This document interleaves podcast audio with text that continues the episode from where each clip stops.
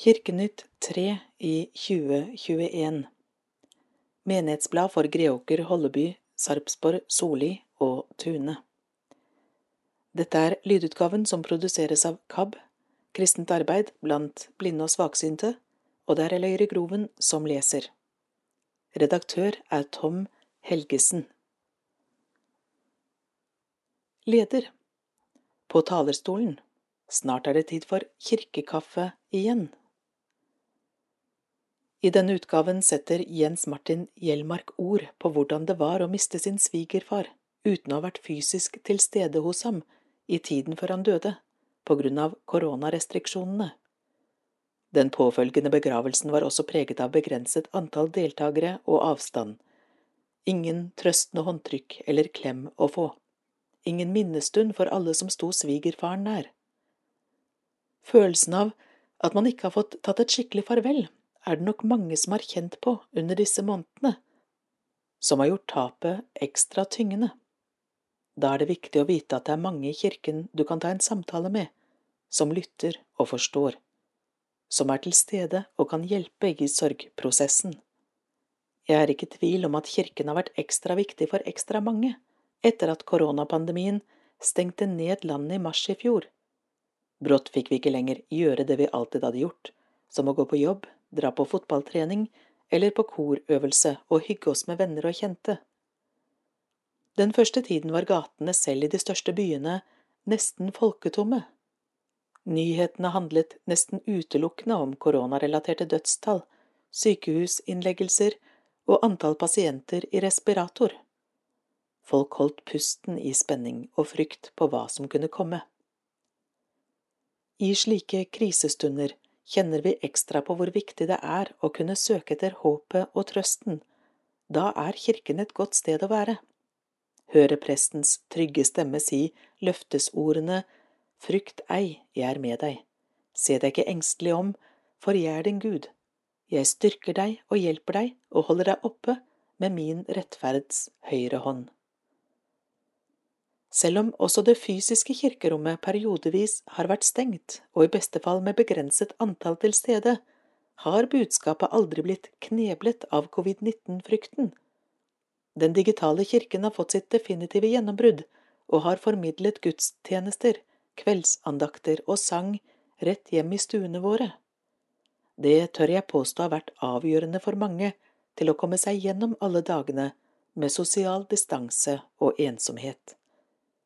Det har vært lyset i en tid preget av mye mørke. Alle som har bidratt til å spre håp og lys i denne tiden, skal vite at de har utgjort en stor forskjell for mange, også de som vanligvis ikke er å finne i kirkebenkene. Gi dere selv en velfortjent klapp på skulderen. Nå som varmen har kommet og sommerferien nærmer seg med store steg, kan vi også glede oss over at vi ser enden på pandemien og at verden snart kan normalisere seg igjen, og at kirkene forhåpentligvis fylles i enda større grad enn før. For selv om den digitale formidlingen er kommet for å bli, er følelsen av å være en del av et fysisk fellesskap utrolig viktig for mange. Snart er det tid for kirkekaffe igjen. Ha en riktig god sommer. Teologisk hjørne så grønn en drakt, så rik en duft, har smykket dal og enger. Av Lisbeth Heie Gregersen, sogneprest i Tune. Slik heter de første strofe av en vårsalme, og det er sant. Det er så grønt og frodig rundt oss. Våren er her, og sommeren ligger foran oss. Det er ikke bare naturen som er grønn, fargen i kirkeåret er også grønn, fargen for vekst. Bak oss ligger alle de store høytidene, jul, påske og nå nylig pinse. Vi er i tiden etter pinse, treenighetstiden, som den kalles. En gang da elever på tredje trinn var i kirken for å lære om kirkeåret, hadde vi laget en plakat hvor det sto treenighetstiden. Det ordet var så langt så de leste treningstiden. Feil lest, men rett forstått.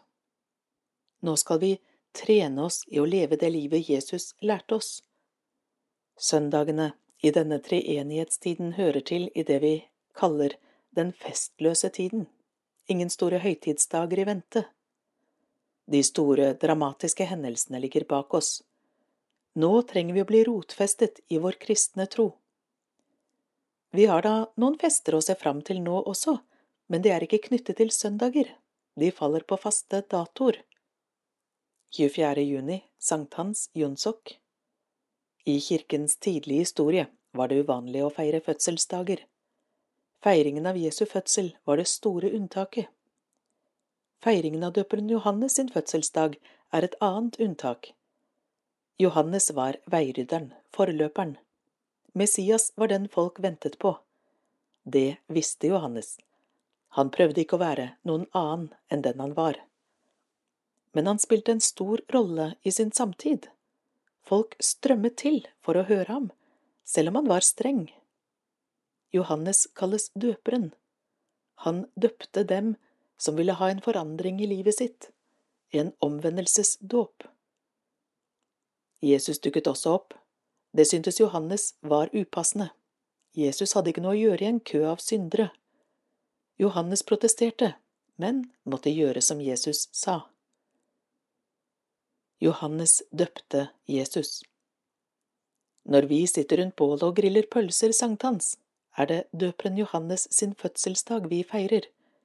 Midt på sommeren lyser Guds smil mot oss. 29. juli Olsok, Olavsdagen Vi feirer Olsok til minne om Olav Haraldsson, som falt som vitne for kristentroen i slaget på Stiklestad i 1030. Olav den hellige ble utropt til helgen ganske snart etter slaget. Kort tid etter hans død gikk det rykter om at det skjedde undre ved kongens gravsted. Den opprinnelige kirken ble revet, og en ny, Nidarosdomen, ble bygd i stedet. Nidarosdomen er et av de store pilegrimsmålene i Europa. Olav regnes for Norges skytshelgen.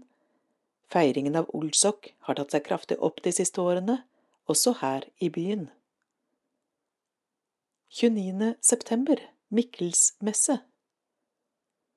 Det er en av de ukjente festdagene.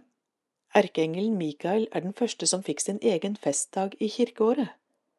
Mikael ses på som de troendes beskytter. Engelen Gabriel feires sammen med Mikael. Gabriel er budbæreren. Det er han som forteller Maria at hun skal bli med barn og bære fram Frelseren. Gabriel er også budbæreren til Zakaria, faren til Johannes døperen.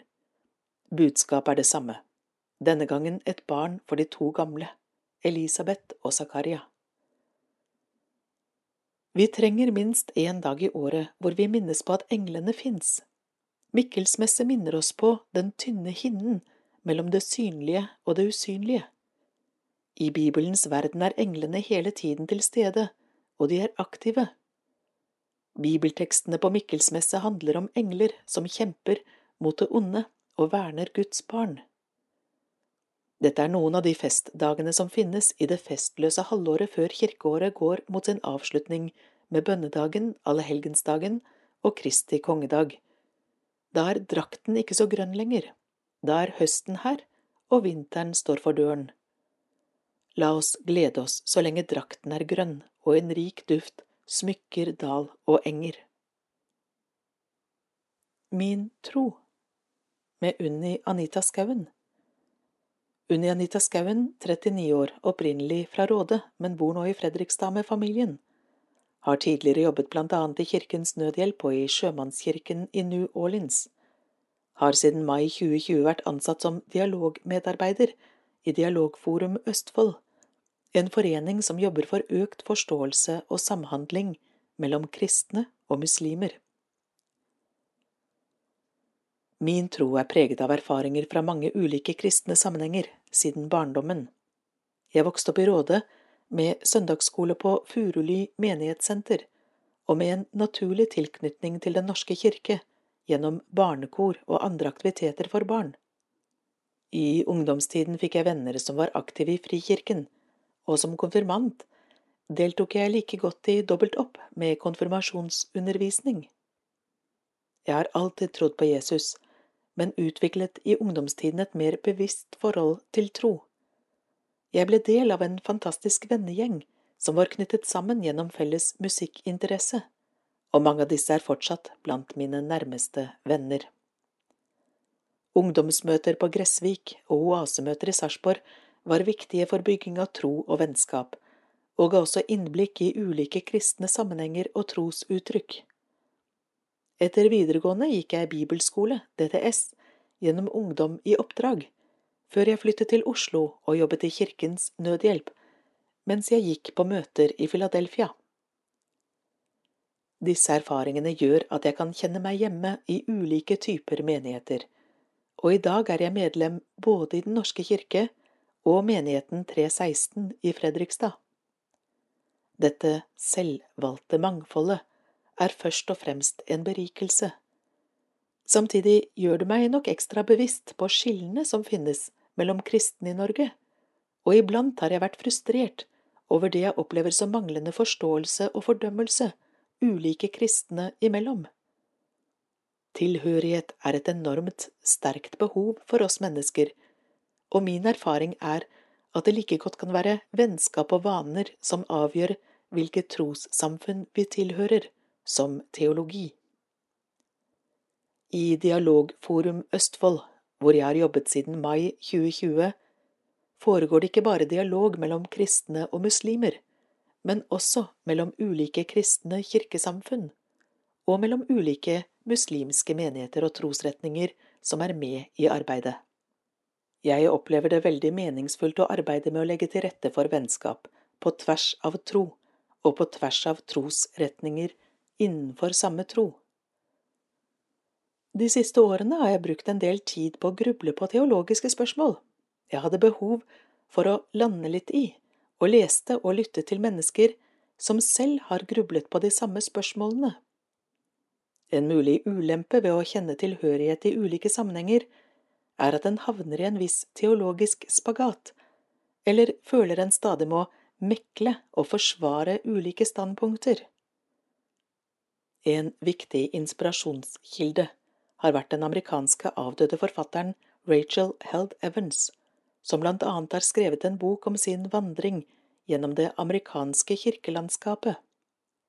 På tross av flere vonde erfaringer skriver hun om betydningen av å holde fast på det hun har fått, i ulike sammenhenger. Selv om hun har forlatt menigheten hun vokste opp i, var det her hun ble kjent med Jesus. Hun reflekterer også over at mangfoldet av kristne menigheter ikke bare kan forstås som tegn på splittelse og menneskelig svakhet, men like mye som tegn på Guds nåde. Det syns jeg er en oppløftende tanke. I landet vårt er vi fri til å finne vår tilhørighet, et sted hvor formen, kulturen og menneskene gjør at vi kjenner oss hjemme, og hvor det som forkynnes er i tråd med vår overbevisning. Samtidig mener jeg vi som kristne må klare å forholde oss med nestekjærlighet til alle som tenker og tror annerledes enn oss selv. Ikke minst bør vi være ydmyke om vi forfekter overbevisninger som kan påføre andre smerte, eller holde mennesker borte fra å oppsøke kristne sammenhenger, fordi de ikke føler seg kristne nok. Det fins mye tro utenfor menighetsfellesskapene også som vi vil tjene på å anerkjenne. I ulike menigheter, på bibelskoler, gjennom opphold i andre kulturer og på arbeidsplasser som Kirkens Nødhjelp og Sjømannskirken har jeg opplevd mange ulike uttrykk for kristen tro. Mange er hellig overbevist over at nettopp deres forståelse og form er rett, og det var jeg nok også selv i perioder. Lite ydmyk, og fordomsfull mot kristne i andre sammenhenger. Men så har jeg også hørt kloke, gode kristne teologer og andre jeg har tillit til, lande på ulike overbevisninger. Det kan handle om teologiske spørsmål og bibelsyn, eller om hvilken betoning en gir de ulike sidene av livet som kristen.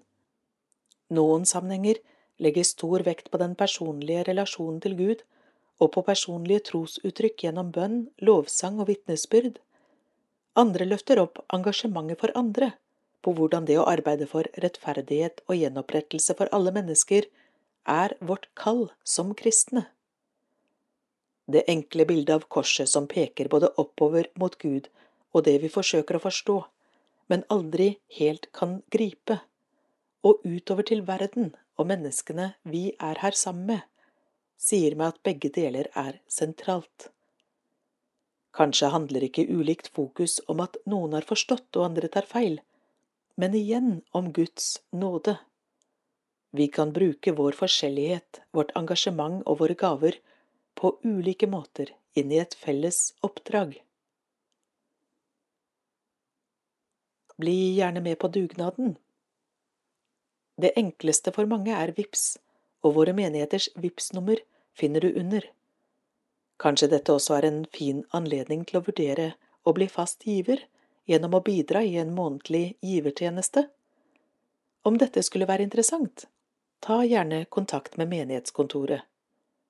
Når man er fast giver, får man også registrert alle gaver i løpet av året, og det gis melding til skatteetaten, slik at man får skattefradrag for donert beløp. Bli gjerne med på denne dugnaden også. Vips til våre menigheter. Greåker 1324 Holleby 115437 Soli 72 337 Tune 1367 Sarpsborg 50 235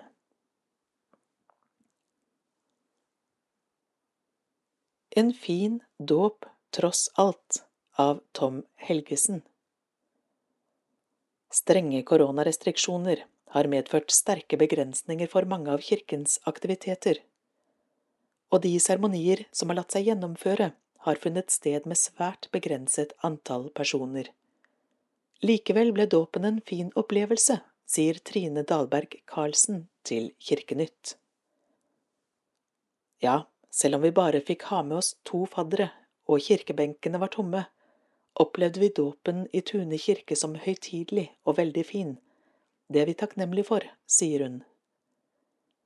Trine og mannen døpte Alva i Tune kirke 2. mai i år, som sto i sterk kontrast til rammene da det forrige barnet ble døpt. Det var en palmesøndag med fullstappet kirke og mange aktiviteter for barna. Således gikk dette mye roligere og kjappere for seg, men samtidig med den samme høytidelige seremonien med preken, vakker sang og orgelmusikk og det hele. Vi ble veldig positivt overrasket over måten det ble gjennomført på, og begge ble faktisk rørt til tårer. Trine legger ikke skjul på at de ventet i det lengste med å bestille dåp, i håp om at pandemien skulle roe seg og landet kunne åpnes opp igjen. Det første forsøket ble avlyst fordi kirken den gangen ikke fikk lov å gjennomføre dåp. Deretter avventet vi en stund, men da Alva hadde blitt over seks måneder gammel, bestemte vi oss for å gjøre det. Det angrer vi absolutt ikke på. Var det vanskelig å velge de to fadderne dere fikk ha med i kirken? Vi hadde totalt fem faddere til Alva. Tre av dem var faddere også ved forrige dåp, derfor ble det naturlig å ta med de to nye denne gangen, så det løste seg egentlig greit men det er klart det var flere i familien som gjerne skulle ha vært med på begivenheten. Samtidig hadde alle forståelse for at det ikke var mulig, og at det hadde vært vanskelig å vente særlig lenger på at situasjonen bedret seg. Selskapet ble naturlig nok også nedskalert, og Trine forteller at det besto av det samme lille følget som i kirken, pluss de tre øvrige fadderne. Vi behøvde på langt nær så mange snitter og kaker som forrige gang, men det ble likevel en koselig samling i hjemmet. Kan du si litt om hvorfor dere har valgt å døpe barna i kirken? For oss handler det mest om tradisjon. Vi er begge døpt i kirken og synes det er naturlig å videreføre det til barna, selv om vi ikke bruker kirken mye ellers. Annerledes sorgprosess i koronatider av Tom Helgesen Sosial distanse har gitt en annerledes sorgprosess for mange som har mistet en nær person under koronapandemien. En følelse også Jens Martin Hjelmark kjenner på etter at hans svigerfar døde på en institusjon i mai i fjor. For mange har sorgen blitt forsterket ved at de ikke har fått være til stede når en ektefelle eller et nært familiemedlem har ligget for døden. Strenge restriksjoner har i tillegg begrenset frammøtet på begravelsen eller bisettelsen, og det har ikke vært mulig å kondolere med et håndtrykk eller en trøstende klem. Også det tradisjonelle minnesamværet har ikke vært mulig å gjennomføre. Jeg forstår de som sitter igjen med en følelse av at de ikke har fått tatt ordentlig farvel, og at omstendighetene har vært en tilleggsbelastning for mange, uten at dette skal oppfattes som kritikk av noen. Det er jo covid-19 som ene og alene har skylden, sier han. Så nær, men likevel så fjern. Jens Martin sto sin svigerfar veldig nær, og forteller at de har hatt mange gode og hyggelige opplevelser i voksen alder. Etter hvert som svigerfaren ble eldre og helsen ble redusert, fulgte han ham til lege, tannlege, handleturer etc., som knyttet enda tettere bånd mellom dem. Da han fikk plass på helsehuset og deretter et sykehjem, var jeg ofte på besøk, og vi fortsatte de gode samtalene, helt til koronaen kom og landet ble lukket ned, og som gjorde det fysiske nærværet umulig. Jens Martin og familien fortsatte å holde kontakten gjennom telefon og iPad, og de sto også utenfor rommet hans og vinket inn. Det var selvsagt sårt for oss alle å være så nær, men likevel så langt unna hverandre. Døde brått På morgenen 4. mai i fjor fikk de beskjed på telefon om at han døde den samme natten, forteller Jens Martin. Han var en gammel mann med flere sykdommer, og var selv klar for å dø. Men både min kone, barna og jeg snakket med ham kvelden før, så det var ingen tegn på at det ville skje så snarlig. Vi hadde således trolig ikke vært der da han døde, selv om det ikke hadde vært i koronapandemien. Men det føltes likevel som en tristhet og sorg at vi ikke hadde vært fysisk sammen på mange uker. Jeg har alltid likt å være sammen med gamle mennesker og har deltatt på utallige andakter på institusjoner, og erfart hvor viktig tilstedeværelsen og kontakten har vært for mange som er i livets siste fase. Plutselig var ikke det lenger tillatt. Det er klart det har vært vanskelig for mange, både de eldre og pårørende. Jens Martin har sittet på dødsleiet til flere av sine nærmeste de siste årene. Dermed har han fått ta farvel på en helt annen måte enn med svigerfaren, sier han, og setter ord på det mange har måttet kjenne på i tilsvarende situasjon. Bisettelsen I bisettelsen var det svært begrenset antall personer som fikk være til stede, og vi måtte gjøre avtale med hver enkelt som skulle delta. Vi syntes det var vanskelig at ikke alle som ønsket å ta farvel, kunne få komme, men vi var glade for at vi fikk filmet seremonien og på den måten dele den med flere. For meg ligger det helt klart en sårhet i å ikke kunne dele avskjeden med mange flere. Jeg har stor forståelse for at de som har vært i samme situasjon som oss, opplever en ekstra belastning og sorg. Desto viktigere er det at familiene viser omsorg og tar vare på hverandre. Forteller Loftet. Dobbelt spennende av Åse Bø Saltbones. Her er et bilde. Er dette en ny gapahuk i Sarpsborgmarka, eller en varmestue i Kjerringåsen? Nei, det er på toppen av Tune kirke, det vil si, ikke helt på toppen, bare sånn halvveis når vi regner med tårnet. Det er rett over kirkerommets buede tak, rett over hodene på menigheten. Det er fortellerloftet. Fortelling er spennende, loft er spennende. Da må fortellerloftet bli dobbelt spennende. Kateket Kristin Tollefsen og daglig leder Tor André Haraldseid i Greåker, Holleby, Soli og Tune sogn er glad i den flotte kirken sin fra 1910, som er Sarpsborgs største, med 550 sitteplasser. Den er lys åpen, ingen søyler som hindrer deg i å se. Fantastisk å være der på gudstjeneste og konsert. Det er bare det at kirker fra den tiden har ingen menighetssal eller mindre rom. Hvor skal man samle barna Eller hvor passer det å ha en liten gruppe konfirmanter? Hvor kan man ha det litt mindre og intimt? Det store loftsrommet. Spørsmålene har over tid surret rundt i hodene på Kristin og Tor André, pluss Anne Wold og Sigrun Solvang. I Tune kirke er det ingen krypt, men tårnet eller loftet, hva kan vi bruke det til? Allerede har tårnet vært i bruk. Åtteåringer inviteres hvert år til å være tårnagenter en helg. Da får de tilbud om å rappellere ned fra tårnet, trygt hjulpet av Gekko klatresenter. Men det store loftsrommet har stått der tomt og ropt om å få være til nytte. Fantasien begynte å løpe hos de fire nevnte personene. Så kom handlekraft. Cirka en tredjedel av loftet er nå delt av. Et flott gelender av villmarkspanel, høyt nok etter forskriftene, er rammen om rommet. Et lite amfi er på plass, pluss noen få møbler. Hva skal dette rommet brukes til? Navnet Fortellerloftet sier noe om det. Her skal det ikke lekes mørkegjemsel eller Tampen brenner. Her skal det være neddempet stemning, her kan bibelfortellingene og andre gode fortellinger få en god ramme. Her kan Moses og Josef, Jesus og Peter få stå fram med ny glød og styrke. Kristin er opptatt av fortelling. Alle voksne leser for barna, men ikke alle forteller. Fortelling har en helt egen kraft. Det er krevende å være forteller, da står man uten bok og har kroppen fri. Fortellingen har først tatt bolig i fortelleren. Når man leser opp, kan konsentrasjonen være så ymse, men når du forteller, har du alles øyne og oppmerksomhet rettet mot deg. Du har et trygt grep om tilhørerne. Du appellerer til hjerte og følelser. Fortelling er magi.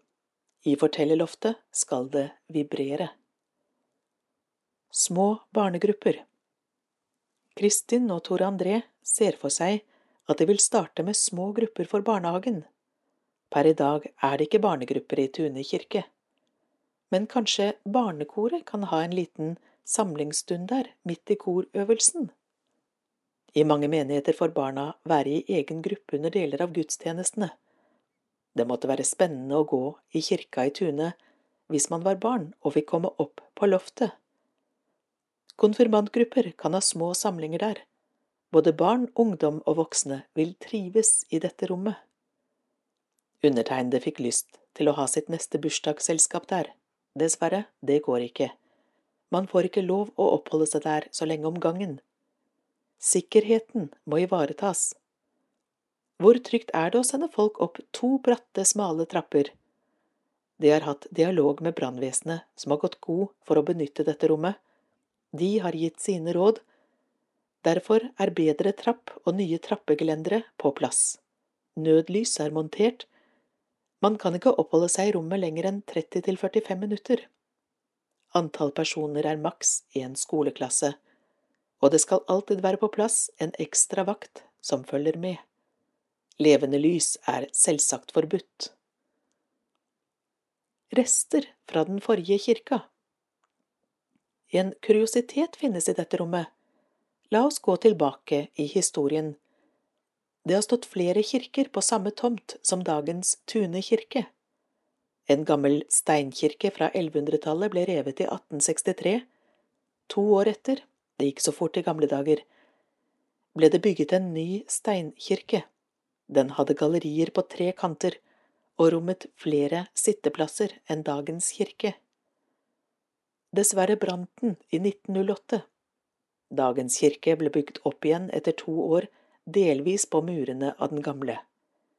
Det som blir frontveggen i fortellerloftet, er spesiell med sine svære, naturlige steiner. Torbjørn Michaelsen er en som vet mye om Tune kirke. Han har bilder fra branntomta i 1908. Han føler seg sikker på at denne muren må være rester fra den forrige kirka. Dette kan jo også bli en spennende fortelling for dem som skal bruke dette særpregede rommet.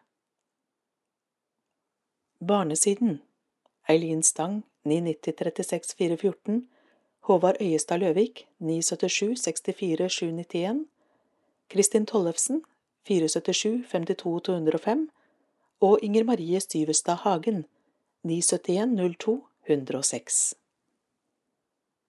Dikt Kilemonster, tullekopp, lille luring, sukkertopp, men aller mest bare deg, den fineste lille jeg kan tenke meg, du og jeg. Kveldsbønn Kjære far, ta hånden min, slipp den aldri ut av din, led meg på din vei i dag, gjør meg trygg og god og glad. Amen. På plakaten Aktiviteter for barn. Null til ett år. Babysang Greåker kirke onsdager klokken elleve. Sarpsborg kirke torsdager klokken elleve. Sang og kos for babyer og far, mor. Sarpsborg kirke oppstart 9. september Info kirken.no skråstrek Sarpsborg. Greåker Marianne Ervum 990 30 011 Sarpsborg Karl Andreas Næss 922 17 505 Ett til fire år småbarnssang. Greåker kirke onsdager klokken 17 til 18.30 Sang for de minste barna sammen med én eller flere voksne. Info kirken.no Sarpsborg. Marianne Ervum 990 30 011 Ett til fem år barnesang Sarpsborg kirke onsdager klokken 17 til 17.30 Sang, rim, regler og ulik rytme. Sunniva Berg er kursholder. Info kirken.no Sarpsborg. Oppstart 8. september. Eileen Stang 990 36 414. 3 pluss søndagsskole. Søndag klokken 11. Søndagsskole for deg som bor i Soli og omegn. Nils Philip Eriksen 456 38 478. Fire til seks år, primo. Tune kirke, onsdager klokken 16.45 til 17.30. For barn som liker å synge. Aspirantkoret fra fire år til skolealder. Deretter kan man starte i barnekoret. Henrik Brusevold 402 38 802. Fire til tolv år barneklubber. Melleby Solstrålen annenhver fredag klokken 17. Barneklubb for deg som bor i Soli og omegn. Inger-Lise Melleby 69 14 71 62 Barneklubber Gjelsnes misjonshus Onsdager i oddetallsuker klokken 17 Lysglimt barnelag Barneforening for de aller minste Hege Jørgensen 970 17 612 Camilla Skaar 995 79 323 Seks til ti år Excel-klubben Kulandkirken annenhver tirsdag klokken 18 til 20. Klubben for deg som går i første til fjerde klasse. Vi har en samling og ulike aktiviteter, loddsalg og kveldsmat. Oppstart i slutten av august. Inger Marie Syverstad, Hagen, 971 02 106. Sju pluss barnekor. Tune kirke, onsdager klokken 17.30 til 18.45. For deg som liker å synge fra skolealder og oppover. Henrik Brusevold 402 38 802 10–13 XXL-klubben Kulandkirken annenhver mandag klokken 18 til 20 Klubb med matlaging, baking, biljard, airhockey, fotballspill, bordtennis, hobbyaktiviteter, vi, formidling, sang, loddsalg og kveldsmat. Oppstart i slutten av august. Inger Marie Syverstad Hagen 971 02 106 på plakaten Aktiviteter for ungdom. 10–15 Fredagsklubben. Gjelsnes misjonshus klokken 19 til 22. Starter opp så fort restriksjonene tillater det. Margaret Olseng 915 26 672. 14. Konfirmasjon 2021. Greåker, Holleby, Soli og Tune. Oppstart nytt kull i oktober. Sarpsborg. Oppstart nytt kull i januar. Kristin Tollefsen 477 52 505 Eileen Stang 990 36 414 13 pluss The Place Hannestad bedehus Ungdomsklubb annenhver onsdag i oddetallsuker klokken 18 til 21 starter 18. august, starter opp så fort restriksjonene tillater det. Lars Bostrøm Ørland 926 42 810 14 pluss Klubb Inside Kulandkirken torsdag klokken 18 til 22 Ungdomsklubb starter opp så fort restriksjonene tillater det. Starter slutten av august. Eileen Stang 990 36 414 14 pluss KRIK Gymsalen på Kalnes VGS Annenhver fredag klokken 19 til 21 idrett, andakt og glede, starter opp så fort restriksjonene tillater det. Kristin Tollefsen 477 52 505 19 pluss unge voksne. Nytt tilbud som starter til høsten. Lars Bostrøm Ørland 926 42 810 Trosopplæringstips. Har dere en sandkasse, eller har du en i nabolaget på en lekeplass eller noe? Barn elsker sand, og enda mer hvis det har regna og det er vann i bøttene og grøftene i sanden. Sett deg sammen med barnet ditt eller barnebarnet og lek i sanden. Og kanskje du brått kan fortelle og leke en bibelfortelling. Bare fantasien setter en stopper.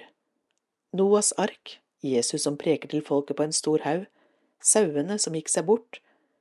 Bli med barn i leken og undre dere sammen over alt dere kan lage. 13. juni blir det fest på Slottet. Av Tom Helgesen.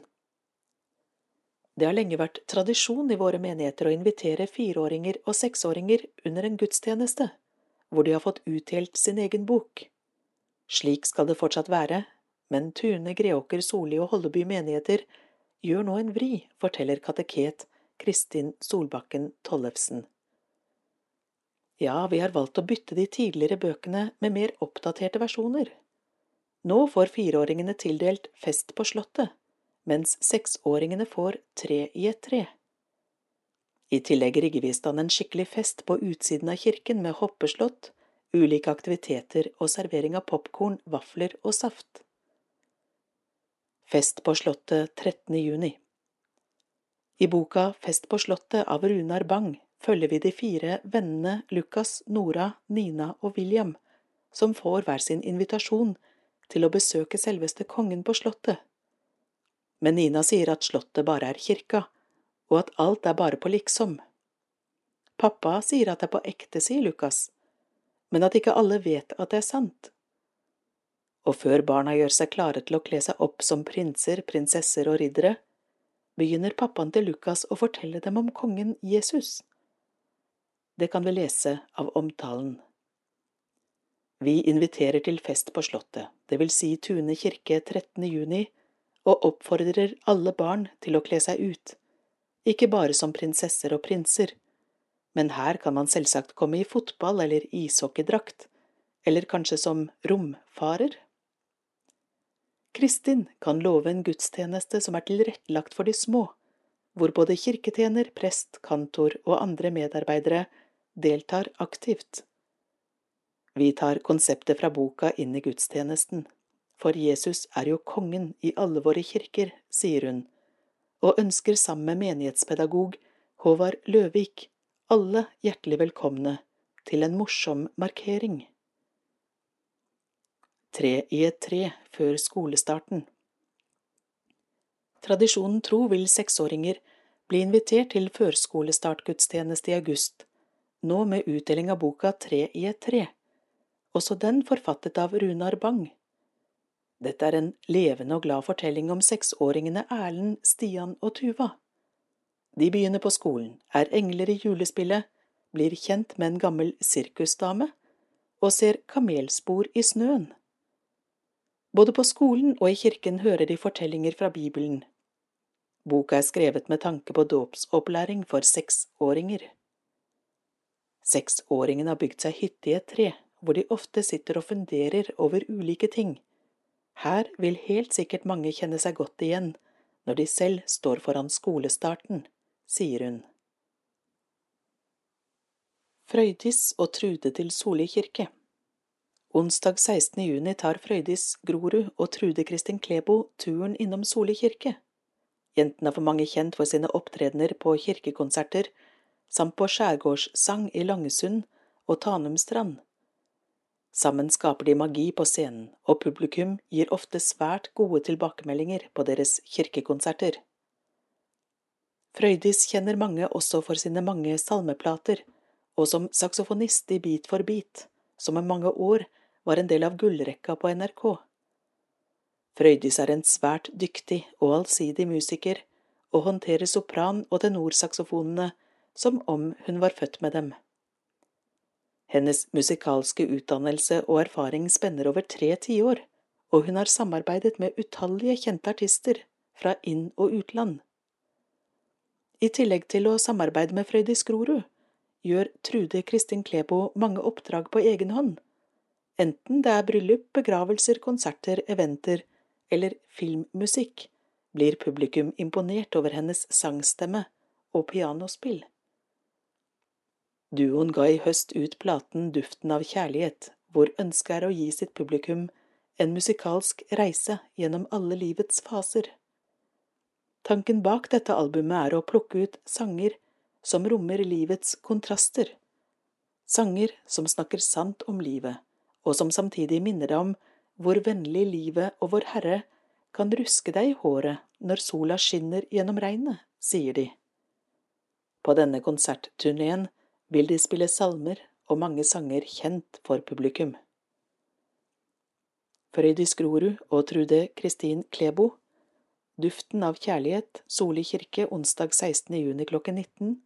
Billetter selges i døra, 200. Endelig i mål flerårs vandring mot regionalt pilegrimssenter av Tom Helgesen. Siden Mona Lise Wirkola gjennomførte pilegrimsferden fra Sarpsborg til Trondheim i 2015, har det vært jobbet med å opprette et regionalt pilegrimssenter i Sarpsborg. Nå er de omsider i mål. Gjennom Mona Elises vandring ble det knyttet en rekke bånd inn i det nasjonale pilegrimsnettverket, og vi begynte å undersøke mulighetene for å opprette et regionalt pilegrimssenter her i byen, forteller sogneprest og pilegrimsprest Helene Selvik. Jeg fikk dessuten lede den nordiske kirkelige pilegrimskonferansen i oktober 2016, som en del av markeringen av tusenårsjubileet i Sarpsborg. Det ga oss blod på tann, samtidig som interessen for vandring steg ytterligere. Selv om enkelte mente det ikke var mulig å få til, fortsatte vi vår lobbyvirksomhet mot målet og satset bevisst på gode kulturelle tiltak. I tillegg bygde vi lokal identitet rundt pilegrimsvandringen. Pilegrimsfellesskapet Sankta Maria ble stiftet under Sarpsborgs tusenårsjubileum med formål om å informere om og skape interesse for åndelig utvikling, friluftsliv og rekreasjon gjennom pilegrimsvandringer, både lokalt gjennom Borgleden og nasjonalt ved Olavsleden.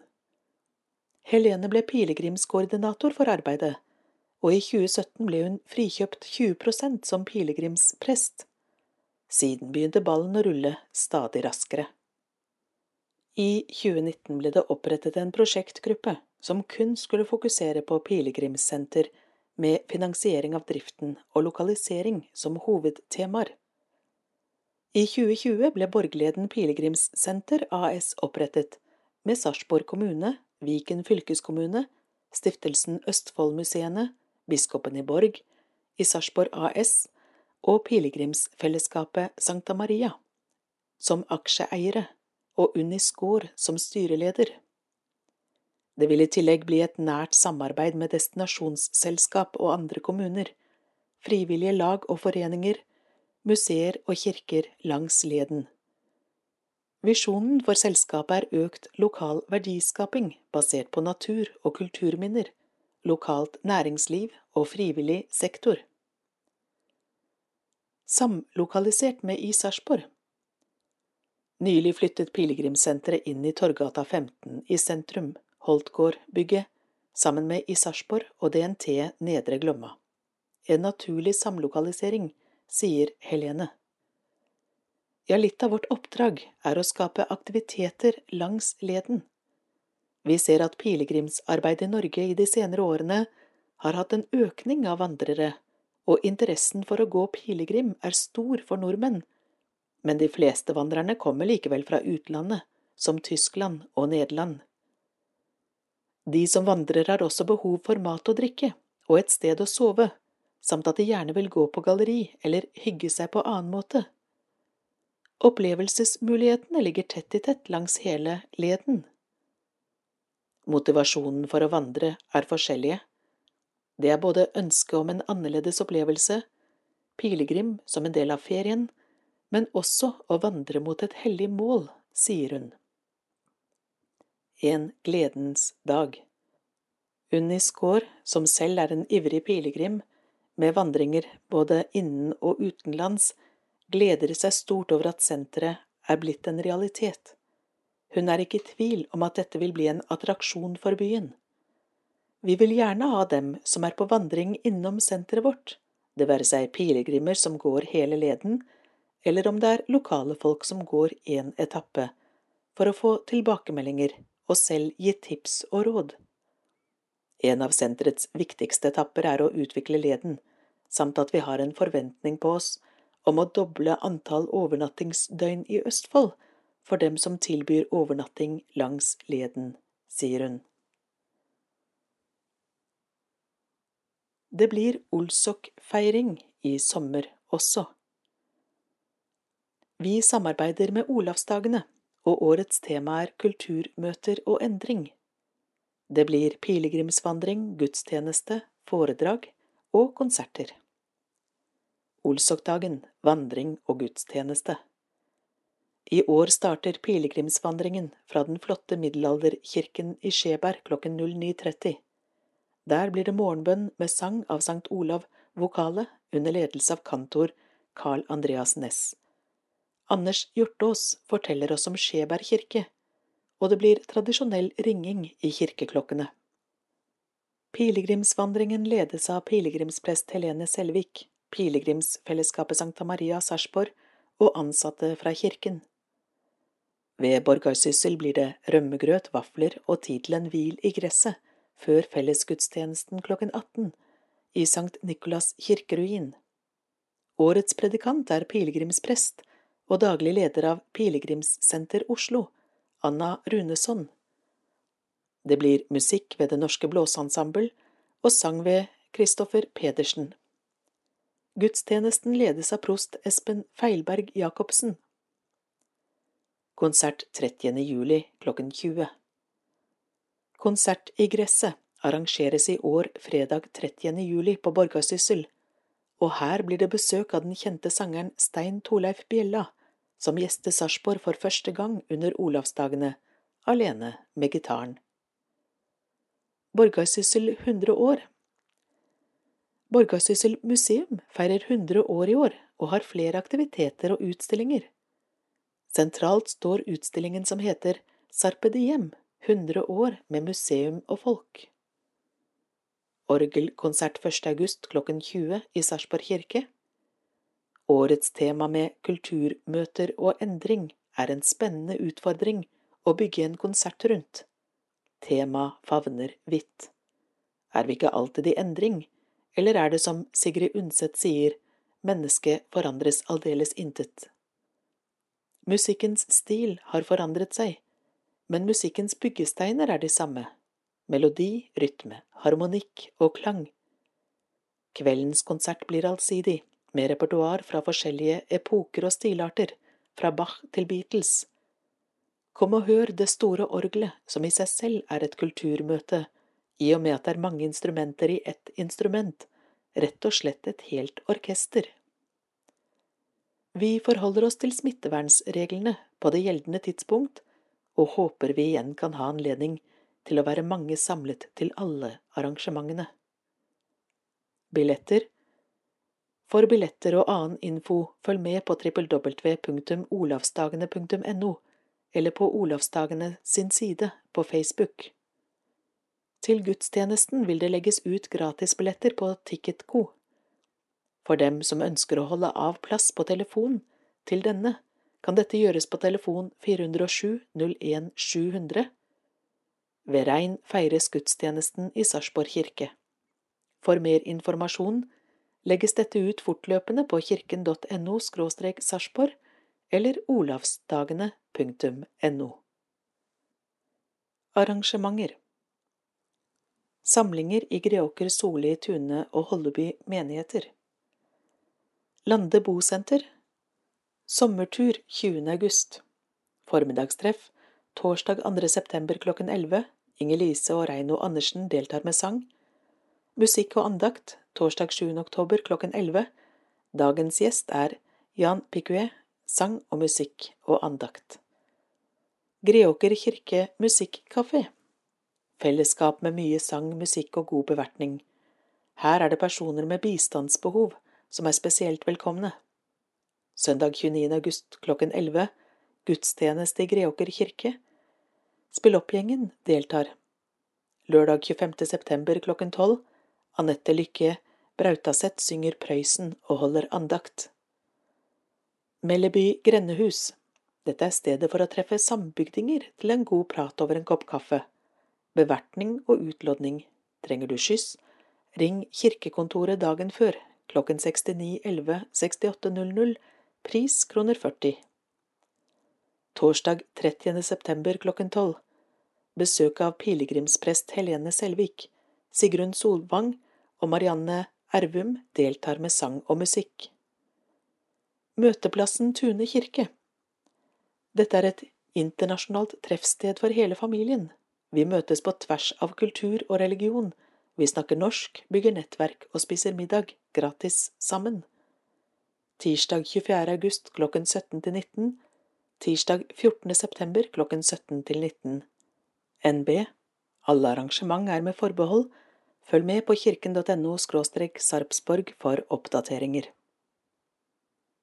Brunsjen i Tune kirke Treffstedet for deg over 60, kafeteria, variert program. Første onsdag i måneden klokken 12 til 13, onsdag 1. september Sammen får vi hjelpen fram. Besøk av Røde Kors, Elisabeth Due. Onsdag 6. oktober Bunadens historie. Besøk fra Råde husflidslag, Bjørg Lundeby. Bønnesamlinger Tune kirke, siste onsdag i måneden, 25. august, 29. september, 27. oktober og 24. november klokken 11.30 til 12. Greåker kirkestue, fredager klokken 11. Vi spiser lunsj i etterkant av samlingen, ta med matpakke. Ønsker du å delta i en sorggruppe? Sorg og omsorg.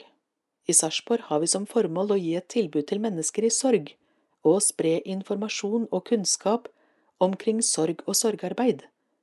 Vi kan tilby sorggrupper ved dødsfall, temakvelder om sorg og livskriser, og vi kan tilrettelegge for individuell oppfølging. Vi har ulike sorggrupper for barn, ungdom, foreldre, voksne eller eldre som har mistet nære pårørende. De som er med, opplever at det er mye støtte og hjelp å hente i det å komme sammen for å dele tanker og erfaringer med andre i samme situasjon. Spørsmål eller ønsker du å delta?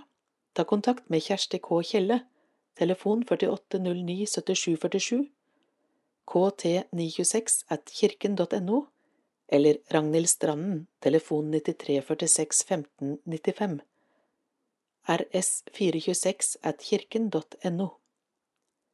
Sorg og omsorg i Sarpsborg består av representanter fra Den norske kirke, fra Helseetaten i Sarpsborg kommune, Sanitetsforening, begravelsesbyrå og noen uavhengige representanter. Nettside sorgogomsorg.org Facebook Sorg og omsorg Sarpsborg. Samlinger i Sarpsborg menighet Hyggetreff Tranes kafé På grunn av koronapandemien er hyggetreff i Tranes kafé utsatt inntil videre. Sykehjemsandakter klokken 11 På grunn av koronapandemien er sykehjemsandakter utsatt inntil videre. Formiddagstreff Kulandkirken På grunn av koronapandemien er formiddagstreff i Kulandkirken utsatt inntil videre. Holleby kirke 100 år Vi starter feiringa med hagekonsert ved Holleby gods, Viken strykekvartett med Ole Herman Huth som primarius. Solistene er Emilie Hellum Johansen på sang og Kristine Borreng Hansen på klarinett. Arrangør er Holleby kirke i samarbeid med Kammerfest Østfold. 29. august. Konserten starter klokken 18. Forhåndssalg av billetter på Ticketco. Billettene koster 220. Velkommen til sommerkonserter i Sarpsborgs kirker. 27. juni klokken 19 Skjeberg kirke Odd René Andersen og Bjarne Gustavsen. 4. juli klokken 19 Tune kirke Fredrik André Olsen og Henrik Brusevold 100% orgel. 11. juli klokken 19 Tune kirke Eva Iselin Eriksen og Børsting kvartett. 3. august klokken 19 Soli kirke Helene Haarr og Halvor Kjærkreit, tostemt, gjenklang fra bedehus Land. 8. august klokken 19 Ullerøy kirke Kristoffer Pedersen, Anja Kristin Nilsen, Torstein Kinn, Joakim Ødegård, Britt M. Sørli Livet og kjærligheten fra Grieg til Stevie Wonder 11. august klokken 19 Sarpsborg kirke St. Croix strykekvartett Chris Una Sotsanski 15. august klokken 19 Ingdal kirke Kristoffer Pedersen, Anja Kristin Nilsen, Torstein Kinn, Joakim Ødegård, Britt M. Sørli Livet og kjærligheten fra Grieg til Stevie Wonder 18. august klokken 19 Sarpsborg kirke Helga Johanne Størdal og Trio Serafim Billetter kroner 100 på skf.ticketco.events Mer info www.kirken.no skråstrek Sarpsborg. Arrangør Sarpsborg kirkelige fellesråd. Gudstjenester. NB Alle arrangement er med forbehold. Følg med på kirken.no skråstrek Sarpsborg for oppdateringer. Greåker kirke 13. juni Tredje søndag i treenighetstiden, Johannes 1, 35–51, klokken 11, gudstjeneste med nattverd og mulighet for dåp ved Petter Johannessen. 20. juni, fjerde søndag i treenighetstiden, Matteus 16, 24–27, klokken 11, gudstjeneste med nattverd og mulighet for dåp ved Berit Vassdal. 4. juli, aposteldagen, Matteus 16, 13–20, klokken 11, felles gudstjeneste med nattverd og mulighet for dåp ved Petter Johannessen. 18. juli, åttende søndag i treenighetstiden, andre Korinterbrev 8, 9–15, klokken 11, felles gudstjeneste med nattverd og mulighet for dåp ved Edgar Bostrøm. 25. juli, niende søndag i treenighetstiden, Johannes 8, 2–11, klokken 11, felles gudstjeneste med nattverd og dåp ved Berit Vassdal. 22. august, 13. søndag i treenighetstiden, Lukas 12, 41–48, klokken 11, vigselsgudstjeneste med nattverd og dåp ved biskop Atle Sommerfelt, vigsling av Berit Vassdal. 29. august, vingårdssøndag, Lukas 17, 7–10, klokken 11, gudstjeneste med nattverd og dåp ved Petter Johannessen og Kjersti Kjelle, Diakoniens dag, Musikkafeen og Spilloppgjengen deltar.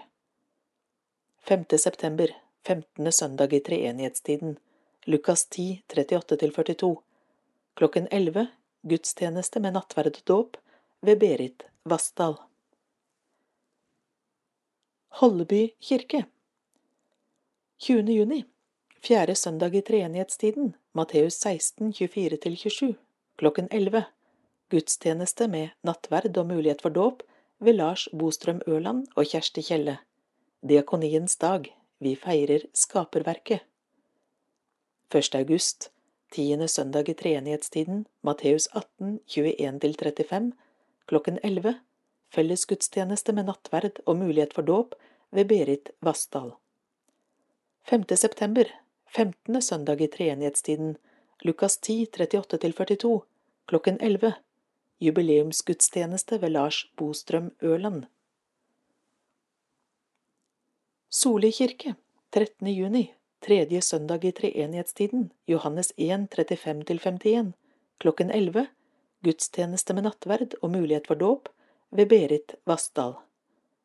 11. juli, sjuende søndag i treenighetstiden, Lukas 19, 1–10, klokken 11, felles gudstjeneste med nattverd og mulighet for dåp ved Finn Ove Brandvold. Tune kirke 13. juni, tredje søndag i treenighetstiden, Johannes 1, 35–51, klokken 11, gudstjeneste ved Lisbeth Heie Gregersen, Kristin Tollefsen og Håvard Løvik. Fest på Slottet for barn, der fireåringer er spesielt invitert. Korene i Tune deltar. Aktiviteter og kirkekaffe utenfor kirken etter gudstjenesten. 24. juni, fjerde søndag i treenighetstiden, Matteus 16, 24–27, klokken 11, gudstjeneste med dåp ved Lisbeth Heie Gregersen. 27. juni, femte søndag i treenighetstiden, Matteus 7, 21–29, klokken 11, felles gudstjeneste med nattverd og mulighet for dåp ved Lars Bostrøm Ørland. 8. august, ellevte søndag i treenighetstiden, andre Mosebok 20, 1–17, klokken 11, fellesgudstjeneste med nattverd og dåp ved Berit Vassdal.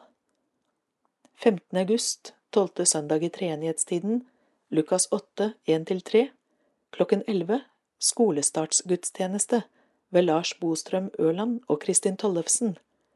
Skolestarter er spesielt invitert. Aktiviteter og kirkekaffe utenfor kirken etter gudstjenesten. 22. august, 13. søndag i treenighetstiden, Lukas 12, 41–48.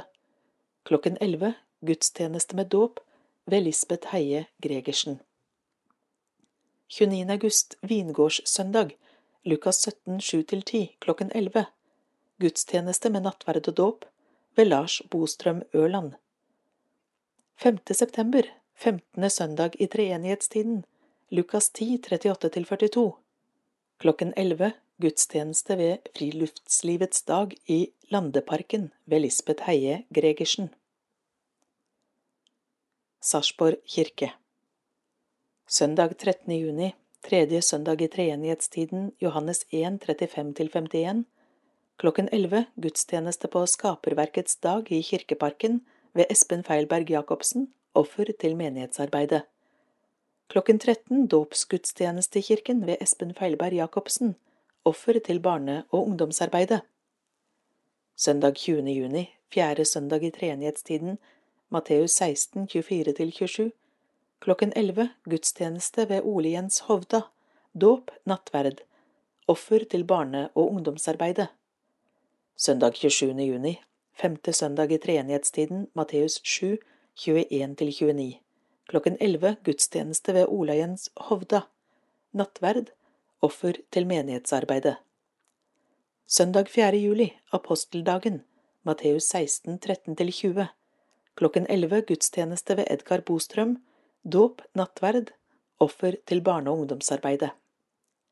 Søndag 11. juli, sjuende søndag i treenighetstiden, Lukas 19, 1–10, klokken 11 gudstjeneste ved Edgar Bostrøm, dåp, nattverd, offer til menighetsarbeidet.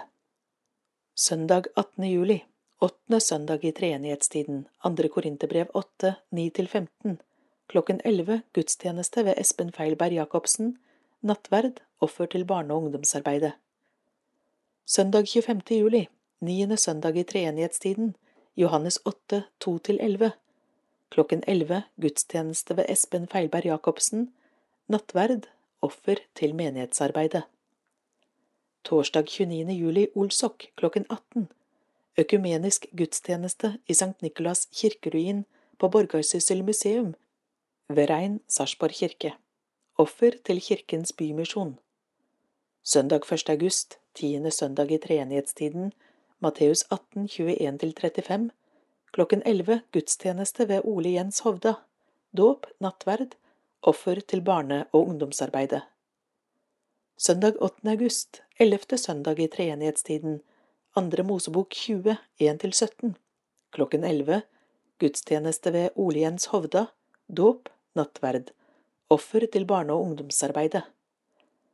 Søndag 15. august, tolvte søndag i treenighetstiden, andre Mosebok 20, 1–17. Klokken elleve gudstjeneste ved Espen Feilberg Jacobsen, dåp, nattverd, offer til barne- og ungdomsarbeidet. Søndag 22. august, 13. søndag i treenighetstiden, Lukas 12, 41–48. Klokken elleve gudstjeneste ved Oliens Hovda, dåp, nattverd, offer til sjømannskirken. Søndag 29. august, vingårdssøndagen, Lukas 17, 7–10. Klokken elleve. Gudstjeneste med innsettelse av ny sogneprest, Helene Selvik. Nattverd, offer til menighetsarbeidet. Søndag 5. september. 15. søndag i treenighetstiden, Lukas 10, 38–42. Klokken elleve. Gudstjeneste. Diakoniens dag ved Ole Jens Hovda og Ragnhild Stranden. Dåp, nattverd, offer til diakonien. Tirsdag 7. september klokken 8, Morgenmesse ved Helene Selvik. Nattverd. Søndag 12. september. 16. søndag i treenighetstiden. Matteus 5, 10–12. Klokken 11. Gudstjeneste ved Espen Feilberg Jacobsen. Nattverd. Klokken 13. Dåpsgudstjeneste ved Espen Feilberg Jacobsen. Offer til barne- og ungdomsarbeidet. Grønn spalte Hvorfor er insekter så viktig? Kilde regjeringen.no Insekter har en enorm betydning for naturen og for matproduksjonen på jorda. Flere internasjonale forskningsrapporter slår fast at bestanden av insekter går ned verden over. Også i Norge er flere arter satt på rødlisten for arter, og står dermed i fare for å bli borte fra norsk natur. Hvorfor forsvinner insektene? Hvorfor trenger vi insektene, og hvorfor er det behov for overvåking av insekter? Insekter er svært viktige for naturen og mennesker. I Norge utgjør insekter 44% av det kjente artsmangfoldet med sine om lag 18 000 arter. Insektene er tallrike og til stede i nesten alle økosystemer, og uten insektene vil prosesser og funksjoner i naturen bryte sammen. Mange insekter, som for eksempel bier og humler, er pollinatorer. Dette betyr at de spiller en viktig rolle i bestøvningen og reproduksjonen av mange planter. Flere av våre aller viktigste jordbruksplanter og matressurser er helt avhengig av pollinering fra insekter, og derfor er insektene essensielle for en stor del av vår matforsyning. Insekter er også mat for mange andre arter. Noen spiller en rolle som nedbrytere i naturen, og noen fungerer som naturlige fiender for andre arter. Dersom mange insektarter blir borte, eller bestandene deres minker kraftig, truer det derfor balansen i mange økosystemer. Hovedtruslene for insekter er at mange av deres naturlige leveområder er i tilbakegang som følge av nedbygging, oppdyrking, avskoging eller tilplantning. I tillegg kommer negative påvirkninger fra plantevernmidler og klimaendringer.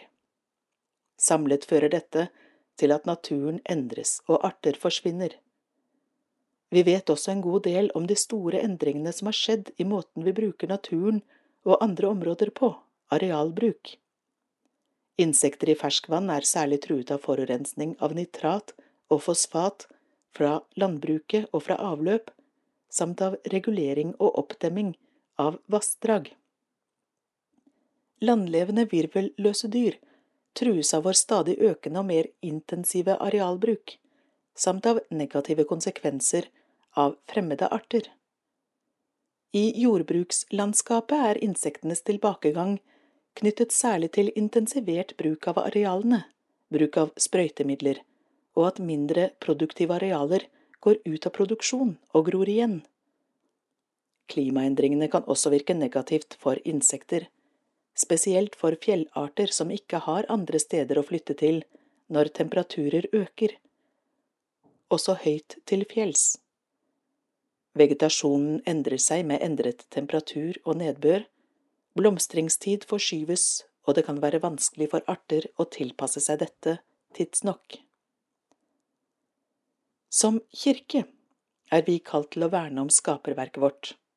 Vern om skaperverket favner alt Gud har skapt, jorden med planter, dyr og mennesker, havet og luften, og hele det økologiske samspill. For jorden og alt som fyller den, hører Herren til. Første Korinterbrev 10.26 Det gjøres mange gode tiltak på nasjonalt nivå for å motarbeide reduksjon av pollinerende insekter. Med forskning og tiltak rettet gjennom reguleringer og lovverk som skal ivareta en god forvaltning. Men hva kan vi som enkeltindivider bidra med? Her er noen eksempler til etterfølgelse, som du kan bidra med til å ta vare på våre viktige små hjelpere. 1. Rot til i hagen. En minimalistisk og overstelt hage gir ikke gode levesteder for insektene. La heller blader få ligge noen steder, for eksempel under hekker og busker. Hvis du fjerner trær, så la en stubbe eller to med røtter få stå igjen, gjerne noe av stammen også, hvis det passer. Dødt trevirke er hjem for mange arter av insekter. Bruk også gjerne naturstein og steinheller i hagen. Mange insekter liker seg godt skjult i den fuktige jorda under steinene. Kjøp torvfri hagejord, slik at du ikke bidrar til å ødelegge myrer, som mange insekter er avhengig av. 2. Lag din egen villblomsteng. Hva med å bytte ut deler av plenen med din egen villblomsteng? Med noe sand blandet i jorda og flerårige villblomstfrø fra gartneriet, så er du på vei mot en hage som myldrer av liv. 3. Bruk blomstrende nyttetrær, busker og planter. Rips, bringebær og solbær er forholdsvis lett å få til å trives, og bra for både deg og mange insekter. En grønnsakshage krever noe mer innsats, men kan gi mye glede for både store og små. Du kan fint plante bærbusker i potter på balkongen også. 4. Dropp syntetiske kjemikalier. Bruk naturlige midler som er biologisk nedbrytbare, og luk for hånd. 5. Reduser klimafotavtrykket ditt. Mange insekter er sårbare for klimaendringer. Reis miljøvennlig, spis mindre kjøtt og bruk pengene dine på lokale opplevelser og aktiviteter i stedet for å kjøpe ting og tang. Sommeraktiviteter Sommertur 20. august Bli med Greåker, Holleby, Soli og Tune menigheter på sommertur 20. august. 10.15 Vi besøker Håpets katedral på Isegran, Fredrikstad. Omvisning om prosjektet med å bygge en katedral av plast fra havet. 12 til 14.45 Avreise til Solbukta. Musicals til lunsj, musikaler og en utsøkt lunsjbuffé, inklusive dessert og kaffe. 15. Avreise til Rygge kirke. Langkirke fra middelalderen og er bygget rundt 1170. Bussen henter opp som følger klokken 08.45 Lande bosenter 0850 Tuneveien bofellesskap, Valaskjold klokken 08.55, Grålumveien bussholdeplass ved Asvo, klokken 9 Greåker kirke bussholdeplass, klokken 9.10 Oppstad bedehus, klokka 9.15 Bjørnstad bedehus, klokka 9.25 Utne camping, klokka 9.30 Avreise Soli Skjell-stasjonen, klokken 16.30 Hjemreise til Sarpsborg påmelding innen mandag 16. august til 69 11 68 00 eller 48 09 77 47 eller kt 926 at kirken.no. Gi beskjed om hvor du ønsker å gå på bussen. Pris kroner 550. Betales kontant eller på VIPS til 52 32 25 på bussen. Om du har lyst til å være med på tur, men ikke har økonomi, ta kontakt så finner vi en løsning. Sommersang i Greåker kirke torsdag 17. juni klokken tolv. Velkommen til en hyggelig formiddagsstund med varierte sang- og musikkinnslag, allsang, opplesing og andakt. Det blir servert kald forfriskning. Dersom du trenger skyss, ta kontakt med diakon Kjersti Kjelle, kt926 at kirken.no, eller telefon 480 97 747. Arrangør staben i Greåker, Soli, Holleby og Tune menigheter. Sommeråpen kirke Sarpsborg kirke er åpen fra 30. juni til og med 5. august, tirsdag, onsdag og torsdag klokken 12 til 15. Middagsbønn onsdag klokken 12. Velkommen inn. Sykurs, redesign av tøy, reparasjon. Velkommen til Greåker kirke høsten 2021. Vi møtes disse lørdagene klokken 10 til 14. 28. august, 9. oktober og 6. november. Enkel lunsj serveres. Grønt utvalg i Greåker, Tune, Solli og Holleby menigheter inviterer til sysamlinger. Vi møtes i Greåker kirke, og her får du hjelp til både reparasjon, redesign av klær og ny søm av alt fra barneklær til brudekjole. Og om du har en symaskin, så ta den gjerne med. Ellers har vi et par som vi låner ut. Vi kan også være behjelpelige med både mønster og materiale. Vil du ha mer informasjon, så kan du ta kontakt med Siv Libby på 4697 3090. Møt opp i Greåker kirke, Eventyrveien 8, 1718 Greåker. Møteplassen Velkommen til Tune kirke. Vi ønsker å være et sted der mennesker møtes på tvers av kultur og religion og blir kjent med hverandre. Der hele familien kan komme sammen. Vi kan spise sammen, vi kan snakke norsk sammen, vi kan lære av hverandre. Vi møtes i Tune kirke disse tirsdagene, 24. august og 14. september klokken 17 til 19. Ta kontakt for mer informasjon. Diakon Kjersti Kjelle, telefon 48 09 77 47. Diakon Ragnhild Stranden, 934 61 595. Livets gang Døpte Greåker menighet Alfred Gjengård Hauge Henrik Lundsrud Strand Nora Stendal Mathisen Anders Matheus Palacio Simensen Oskar Eriksen Brink Wilhelmsen Holleby menighet Mathias Røen Michaelsen Madiken Louise Tande Ronja Synnøve Tande Soli menighet Iben Porsmyr Johannessen Tunemenighet Alva Dalberg Olsen, Marius Johannes Langsholt, Luna Bleken Olsen, Luna Gjerlaugsen Misje, Henny Lovise Pettersen, Ludvig Mosen, Elias Sørgjerd Nilsen. Sarpsborg menighet Thea Lise Paulsen, Thea Klavestad Johansen, Selina Lampe Torp, Iver Nøkleby Oppstad, Sofia Noel Allum Næss, Lea Erlandsen. Vigde, Tune menighet, Tonje Brevik og Henrik Gunnarstorp, Julie Kristine Kunz og Håkon Kingsrød Hovden. Døde, Greåker menighet, Berit Feddersen, Kjell Lommerud, Tore Martinsen, Kari Mette Bålerud, Andreas Skaar, Kjell Ellingsen, Yngvar Josef Christiansen, Liv Synnøve Hovland, Kåre By, Kjell Johannessen, Johannes Wilhelm Kanestrøm, Hans Jørgen Bjord. Holleby menighet Øyvind Stene.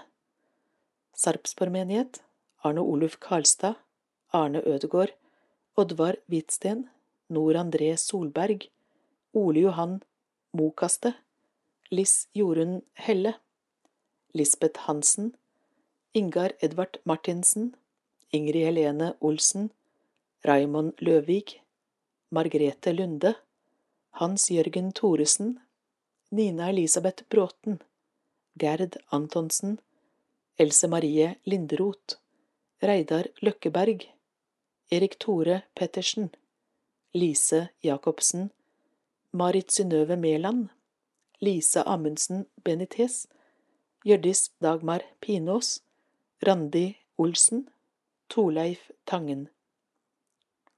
Soli menighet Vasilios Charitopoulos.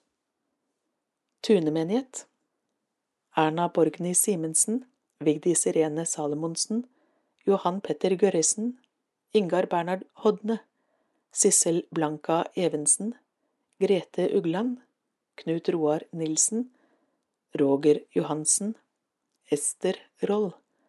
Oskar Anton Mikkelsen, Arnhild Jølsen, Ragnar Erik Bjerknes, Solfrid Irene Thoresen, Tore Finn Gundersen, Arne Ingvald Martinsen, Helge Lunde, Ingvar Fred Andreassen, Randi Marie Vetrem, Hjørdis Johanne Olavesen.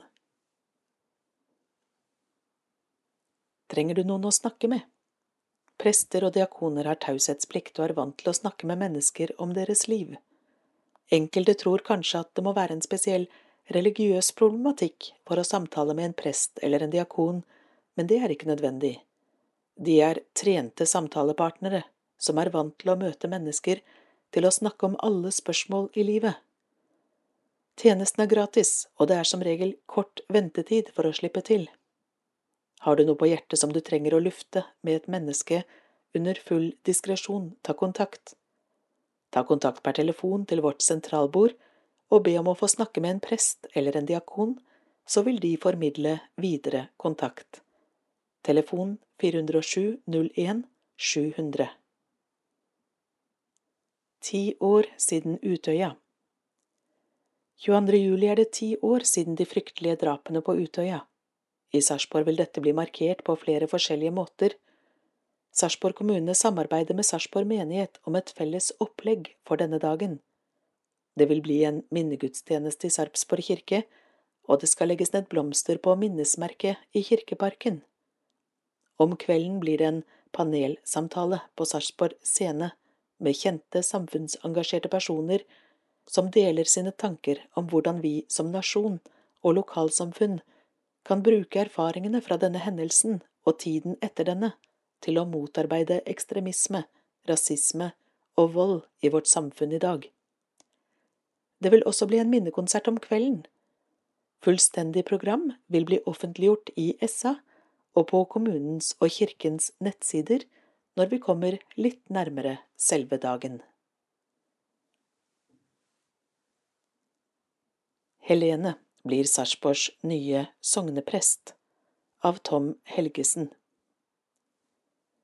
Etter åtte år som sogneprest i Hafslund menighet fortsetter Helene Selvik sitt virke i Sarpsborg etter sommeren.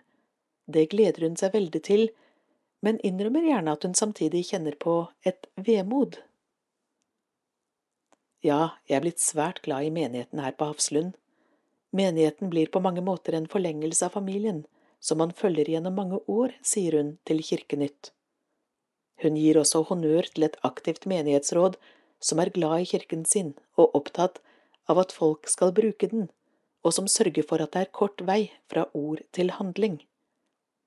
At kirkekaffen for mange er et veldig viktig sosialt møtepunkt utenom koronatider, bekrefter at følelsen av tilhørighet er sterk. Akkurat det kjennetegner nok de små kirkene i utkantstrøkene av byen. Var det en vanskelig beslutning å ta? Ja, jeg måtte tenke meg lenge og godt om før jeg søkte. Du vet jo hva du har, og når du trives godt, er det mange følelser som skal bearbeides før du kan gå videre. Jeg snakket også med folk rundt meg, så det var en lang prosess. Men da jeg først hadde sendt søknaden, føltes det greit. Da håpet jeg jobben skulle bli min. Helene betegner kirkerommet hun snart skal forlate som et godt og anvendelig rom for mange typer aktiviteter. Men legger samtidig ikke skjul på at kirkebygget har et stort etterslep når det gjelder vedlikehold, og at hun gjennom mange år har kjempet for oppgradering av orgelet. Nå ser det ut til at begge ønsker skal oppfylles, som hun gleder seg over på vegne av sin etterfølger nye omgivelser. Hun starter opp i Sarpsborg etter sommeren, men sier det vil bli en glidende overgang. Jeg vil gjerne følge konfirmantene på Hafslund gjennom konfirmasjonstiden, så de slipper å få en ny prest å forholde seg til. Jeg blir jo fortsatt ansatt i samme prosti, så jeg regner med at det skal gå greit. Hva tror du blir de største endringene? Sarpsborg kirke er jo et helt annet bygg som gir andre muligheter og arbeidsbetingelser. I Sarpsborg er også alle ansatt i samme menighet, i motsetning til her i Hafslund, hvor det er flere som deler på menighetspedagog, kateket, daglig leder osv. Det gjør det mulig å jobbe med staben på en annen måte, og kanskje mer målrettet. Helene kjenner menighetslivet i Sarpsborg godt fra før, og understreker at de har fått til mye flott. Derfor vil det først og fremst handle om å videreføre det gode arbeidet som gjøres, samt etter hvert bidra til ytterligere utvikling sammen med kolleger og menigheten. Jeg gleder meg stort til å komme i gang, fastslår hun. PS. Helene skal fortsette å ha rollen som pilegrimsprest, også i sitt virke i Sarpsborg. Neste utgivelse av Kirkenytt, nummer 4 2021, utgis 9. september. Stofffrist 27. august. Ønsker du en annonse i Kirkenytt, kontakt oss på telefon 69 11 68 00. Kirkenytt nummer 3 2021 slutt.